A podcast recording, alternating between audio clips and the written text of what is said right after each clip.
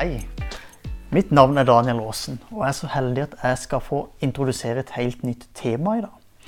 Eh, overskriften for den nye taleserien er 'Et helhjerta liv'.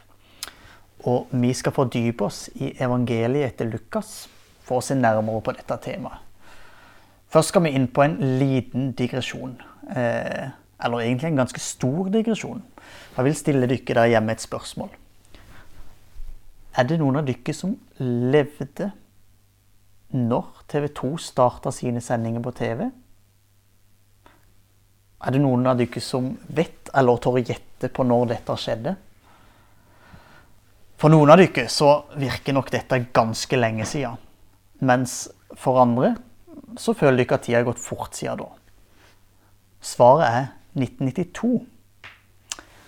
Sett at TV 2 hadde snudd opp ned på mitt liv, og jeg bare måtte dokumentere åssen TV 2 ble til for at alle som ikke kjente historia, skulle få høre. Jeg ville jo passe på å gjøre en god jobb i å dokumentere dette så nøye jeg kunne. Jeg hadde gått til den første sjefsredaktøren, Bjørn Atle Holter Hovin. Jeg ville snakka med de første som produserte TV-programmet for TV 2. Og så vil jeg snakke med ihuga tilhengere for TV 2. Og òg selvfølgelig kritikere. Jeg hadde jo prata med Jon G. Benander, selvfølgelig.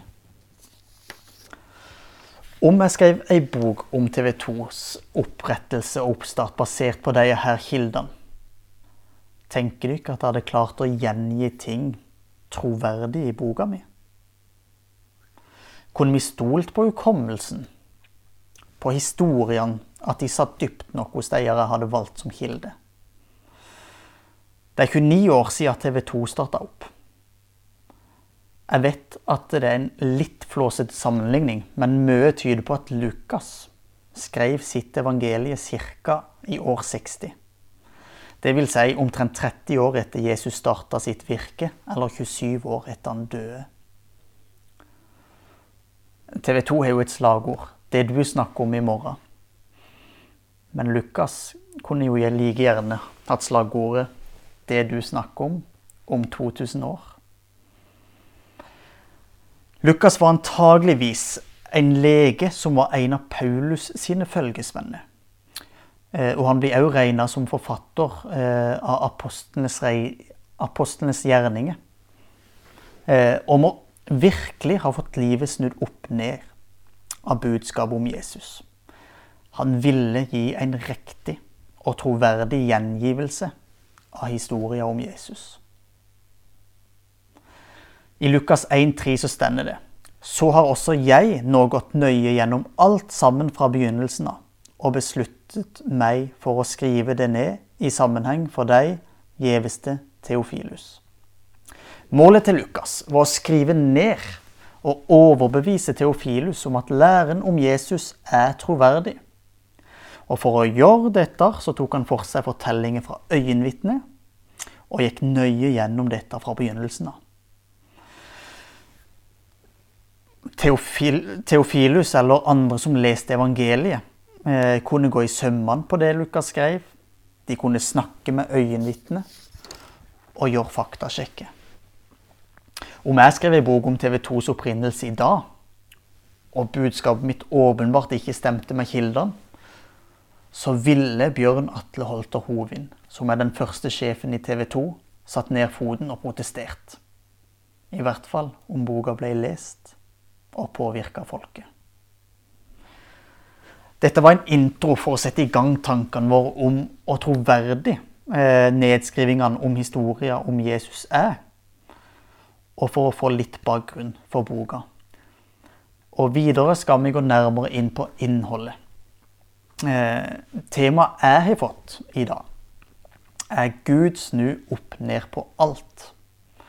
Og For å belyse temaet skal jeg i hovedsak ta utgangspunkt i eh, noen tekster fra Lukas 1 og 2. Altså kapittel 1 og 2. Men først så skal vi se på et nøkkelvers for hele boka.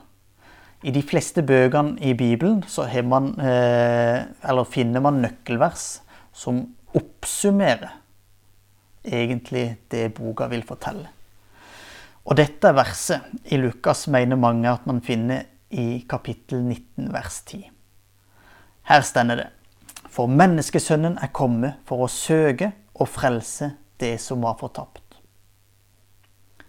For menneskesønnen er kommet for å søke og frelse det som var fortapt. Dette verset gir oss forståelsen av at det Gud gjør gjennom Jesus, er å snu opp ned på det som jødene til nå hadde trodd var Guds plan. Jødene trodde nok at Messias skulle komme og forkaste det som var fortapt, og forhøye det som var fullkomment. Men her tok de grundig feil. Og dette kommer tydelig fram i versene videre skal ta utgangspunkt i, fra første del av Lukas. Fokusteksten for i dag finner vi i Lukas 1, 52 og 53.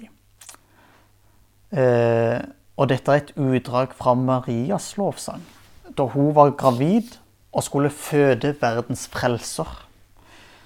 Marias lovsang eh,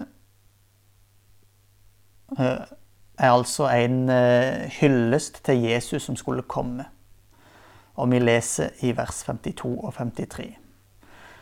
Han støtte herskere ned fra tronen og løftet opp de lave.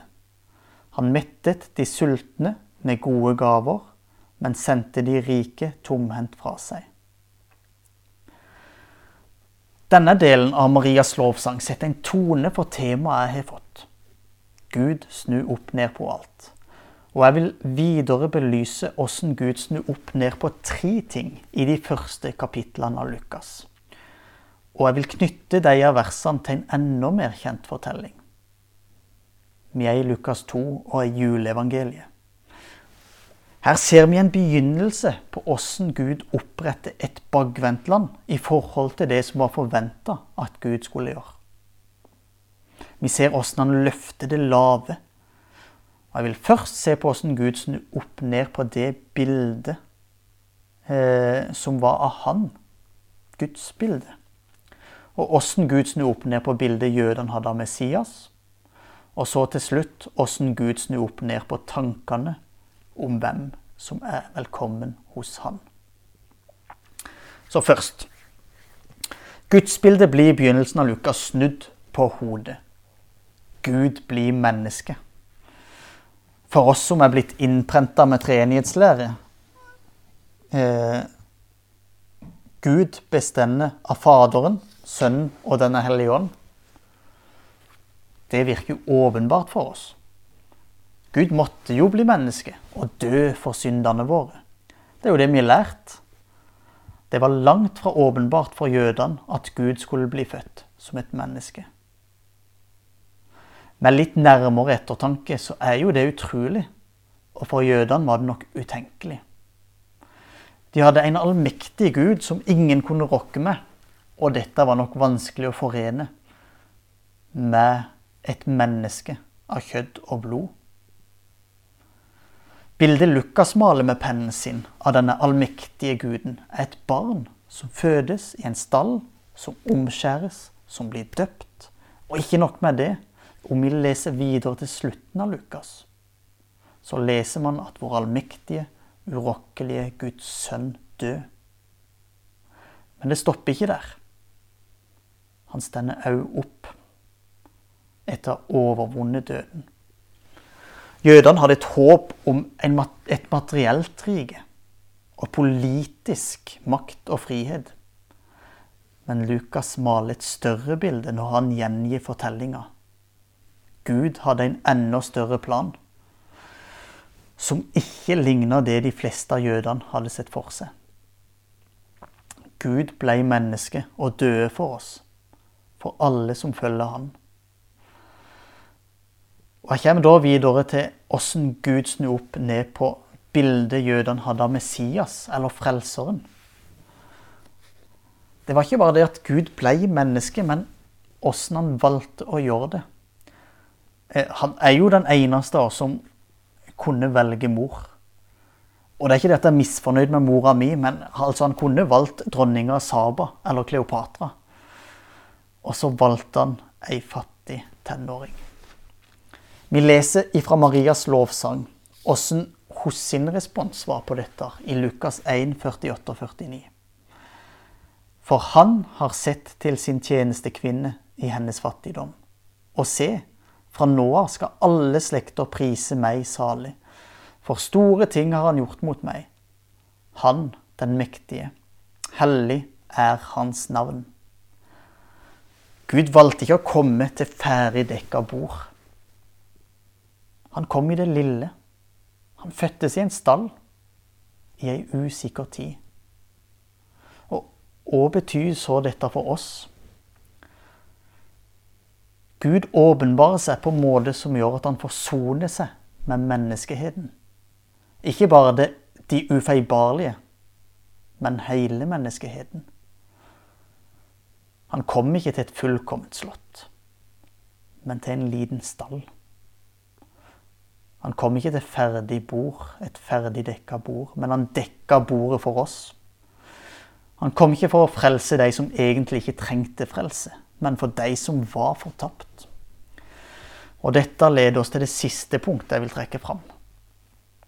Jeg vil nå se nærmere på åssen Gud snur opp ned på tanken om hvem som er velkommen i Guds rike. Hvem er det som, er, e, som egentlig er gode nok til å sette sin fot fremfor Gud? I år null så var det ikke sånn at tempelet var åpent for alle. Det var klare anviste rom og plasser for ulike grupper. Det var ulike områder for kvinner og menn, jøder og grekere, prester og legmenn. Og rituelt rene og rituelt ureine. Og Noe som jeg syns er interessant, er at gjeterne på denne tida ble regna som rituelt ureine. Og dette ville bety at de nesten aldri var rene nok til å prise Gud i samvær med andre mennesker. Hvis vi tenker tilbake til juleevangeliet, så syns jeg det er spesielt at denne gruppa blir fremheva. De som englene sang for. De som først var vitne til at Jesus var kommet til jorda. De som ikke var ansett som noe stort blant folk. For et vitnesbyrd og for en start det er på et evangelie. At Gud sender en hærskare med engler for å møte noen gjetere som han ville skulle være vitne til at hans sønn ble født. Denne fortellinga måtte jo bare være for sprø til å ikke tro på. De vellykka måtte jo vri seg eh, og rive seg i håret av dette. De skriftlærde sadukeerne og fariseerne de skulle jo være de første til å møte Messias. Eller Nei, Gud snur opp ned på alt, og òg på dette. Han snur opp på, ned på tanken om hvem som er velkommen til å tre inn fremfor Gud. Og hva betyr dette? Det ser ut som at en ny retning ble staga ut. Det å være innafor dreide seg ikke lenger om en liste med renhetsregler, ritualer og reguleringer. Det var en invitasjon en invitasjon til å komme og besvare denne invitasjonen. Gjeterne ble i juleevangeliet invitert til å komme framfor Gud, og de skynda seg. Og de ble ikke hindra framfor Jesusbarnet. Noe dette får meg til å tenke på, er hvem vi hadde vært om vi skrudde tilbake tida til år null. Ville vi vært blant de skriftlærde eller blant gjeterne? Hvem er det som er innafor og utafor i dag? Er det noe vi kunne vært, eller noen vi kunne vært flinkere til å invitere inn? Lukas kapittel 1 og 2 vitner om en Gud som åpenbarer seg på en annerledes måte enn forventa, og for andre enn forventa. Jeg tror sannelig at du og jeg er velkomne i Guds nærvær. Og kanskje vi kan invitere med oss noen stykker til. Til oppsummering. I Lukas så hører vi en godt dokumentert fortelling om en Gud som snur opp ned på alt. For det første så fortelles det om en Gud som ikke bare tar menneskelig form, men han blir et menneske av kjøtt og blod, med alt det innebærer, og dø for oss. I Lukas så fokuseres det på åssen Gud åpner opp sitt rike for de som var utenfor, som gjeter han. Han åpner opp sitt rike for deg og meg, for de ufullkomne.